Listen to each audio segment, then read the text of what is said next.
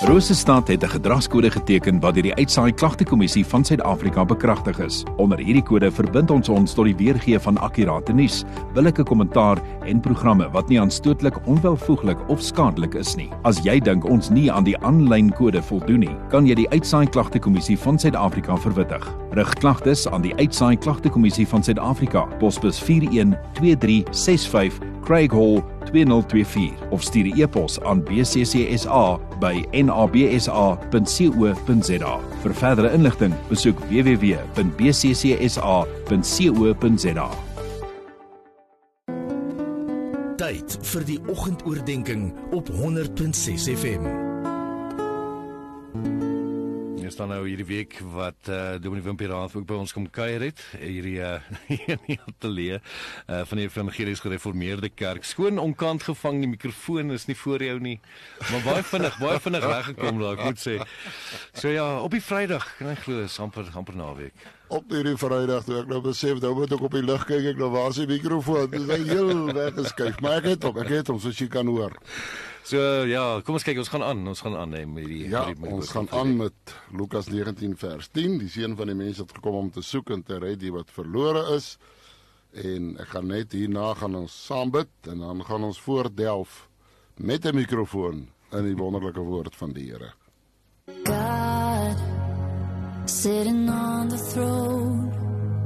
You are the one who is in control.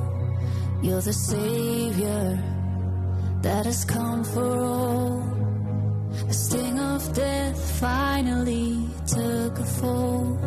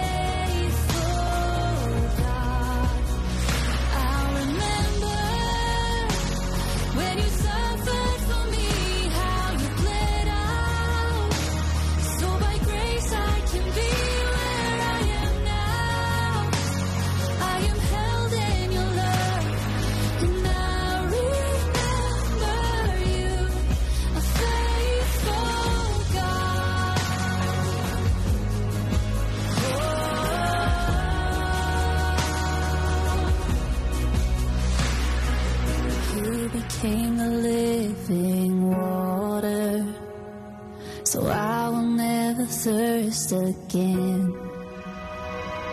You brought your son down to the altar, so I don't have to die in sin. I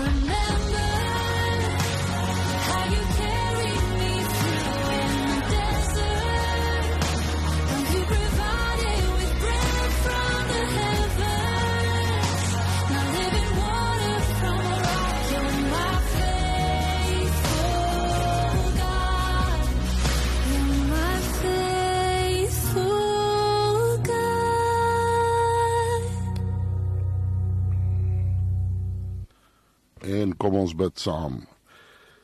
Here Jesus, dankie dat ons nou in afhanklikheid na U kan kyk as ons voorbeeld. As die een wat vir ons wys hoe. Dis U wat vir die disippels gesê het: "Kom agter my aan en ek sal julle vissers van mense maak." Dankie vir hierdie geleentheid en kom breek U wonderlike woord nou vir ons oop. Amen. Ek praat nog steeds oor Lukas 19 vers 10. En die seun van die mens het gekom om te soek en te red wat verlore is. Nou ek wil vir vandag met jou kom praat oor hierdie een aspek van verlorenheid wat ons nou die hele week nou al mee besig is. En dit is die wonderlike goeie nuus dat Jesus het gekom om verlorenes te soek. En dan wil ek bietjie fokus op daai woordjie soek. En bietjie met jou deel oor Jesus se soek na verlorenes. Die Here Jesus gebruik in Lukas 15 drie gelykenisse bymekaar. Dit is saam as 'n eenheid wat hy vertel. En die rede hoekom hy hierdie gelykenis vertel het. Die ehm um, ouens wat nou baie sterk gefokus was op die wet en al die reëls en al die goed wat nou moet in plek wees. Hulle het opgemerk dat al hoe meer van hierdie sondaars en ander mense kom luister na die Here Jesus. Toe het hulle onder mekaar gemurmureer en hulle het gesê maar kyk hoe eet hy saam met die sondaars. En vanuit hierdie vertrekpunt het die Here Jesus hierdie drie gelykenisse vertel om sy soekende hart na verlore sondaars met hulle te deel. En daai drie gelykenisse, ekskuus tog jammer hoor. Daai drie gelykenisse wat ons in Lukas 15 kry, het al drie te doen met soekende na iets wat verlore is. Dis die gelykenisse van die verlore skaap, die verlore penning en die verlore seun. Nou hy loop so. Die verlore skaap kon niks vir homself doen nie. Hy was 'n oop teken vir enige vorm van bedreiging. Die muntstuk kon ook niks vir homself doen nie. Hy was ten minste weg op 'n veilige plek. Hy was verlore in die huis. Ons lees daai vrou het alles rondgeskuif en weggeskuif en uitgevee op soek na haar muntstuk. Maar van die verlore seun lees ons heeltemal 'n ander verantwoordelikheid. Hy het 'n taak gehad. Hy moes iets doen. Nou baie interessant. Ek wil nou nie die hele tyd by hierdie drie gelykenisse stil staan nie. Terwyl hierdie verlore seun nou 'n keuse moes maak, is daar vyf goed wat die Here Jesus in hierdie gelykenis by elkeen van hulle uitwys. Daar's vyf ooreenkomste wat ons by al hierdie gelykenisse kry. En dit gee vir ons die hartklop van Jesus wat na verlorenes soek. Ek gaan hulle net vir jou aanstip. Nommer 1 van hierdie 5 al drie was verlore. Nommer 2 was daar 'n afwagting dat dit wat verlore is gevind sal word. 'n Afwagting aan die gaan soeke na die skaap en die ander agtergelaat, afwagting om die huis skoon uit te vee en alles rond te skuif en te kyk waar's daai muntstuk. En die pa wat in afwagting die pad gekyk het en dopgehou het elke dag. Nommer 3. Toe dit wat verlore is gevind is, was daar blydskap. Dit word gestipuleer by elke gelykenis. Nommer 4.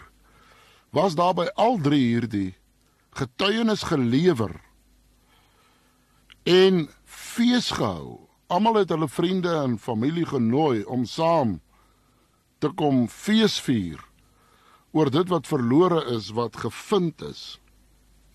Nommer 5 is daar blydskap in die hemele oor een sondaar wat hom tot die Here bekeer. Dis net by die verlore seun waar daar verduidelik word oor bekering, oor redding en waar 'n redelike gedeelte daaraan afgestaan word. Want die mens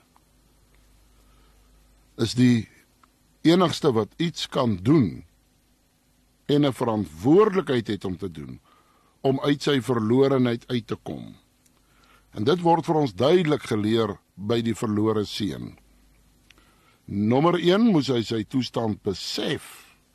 Nommer 2 moes hy handel daarmee. Dis die twee elemente van bekering. Maar Jesus was die een wat gesoek het na die sondaars. Daarom het hy vir hulle hierdie drie gelykenisse na mekaar vertel. En by herhaling van hierdie vyf goed wat ek nou vir jou genoem het, het hy hierdie boodskap by hulle tuis gebring. Hy het dit nie net gepraat nie. Hy het dit gedoen. Jesus het gesoek na verlorenes. Dis waarvoor hy na hierdie wêreld toe gekom het om verlossing te kom bewerk vir 'n verlore wêreld. Maar uit alle vlakke van die samelewing het hy opgesoek. Hulle het hom genoem, dit het ons nou oor verwys na verwys het. Hulle was baie keer baie neerhalend omdat hy saam met die sondaars geëet het. Hulle het baie keer vir hom lelike goed van hom gesê sonder dat dit die waarheid was. Hulle het hom by geleentheid 'n vraat en 'n wynsuiper genoem. Die vrou by die put by Sichem, toe hy daar by haar gaan sit het en praat het en hy uitreik na haar verlorenheid. Toe het hy met haar die gesprek oor kan ek ook van hierdie water kry en toe sê hy vir haar maar ek het vir jou lewende water. Met Nikodemus voer hy 'n lang diep teologiese gesprek oor sekerheid van saligheid. En hy spandeer die hele hoofstuk 3. Nikodemus vra 'n vraag en die Here Jesus gebruik hierdie vraag om met hom hierdie diep teologiese gesprek te deel. So kan ons aangaan na die een na die ander voorbeeld waar die Here Jesus met individue gepraat het oor hulle saligheid, waar hy met groepe gepraat het. Soms het hy hulle hart aangespreek, soms het hy gehuil oor hulle toestand wat hulle nie wil besef nie. Daarvan lees ons in Matteus 23. Toe die Here Jesus na Jerusalem kyk en die Bybel sê hy het geween. En hy kyk en hy sê hoe dikwels wou ek julle bymekaar maak soos 'n hennaar kykens maar julle wou nie. Hierdie teenstand teen Jesus se verlossingsplan het hom nie van koers laat verander nie. Hy het ten minste self gesê hy het gekom om sy lewe as 'n losprys te gee. In hom het ons die verlossing. Dis die wonderlikheid van die Here Jesus se voorbeeld wat hy kom stel het.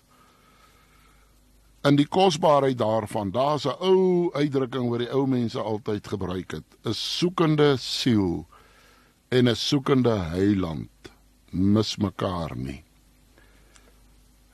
En vir elkeen wat in 'n lewende verhouding met die Here staan wat nou saam met my hier deel, jy kan 'n instrument wees vir 'n soekende heiland om by 'n soekende siel uit te kom. Die hoogtepunt van hierdie soekendheid na verlorenes sien ons in die heel eerste lied wat ons gaan sing wanneer kinders van God in die hemel aankom. En dis daardie lied vroeg in Openbaring en ek dink jy ken hom. U is waardig om die boek te neem. En dan gaan die lied aan en dan sê hy want u het ons met u bloed gekoop. Wat 'n wonderlike voorreg. En ek wil jou vanmôre aanspoor, saai die saad, ongeag die reaksie ongeag die resultate. Saai die saad deel die evangelie. Soek na verlorenes dis die Here Jesus wat gesê het die oes is groot en die arbeiders is min.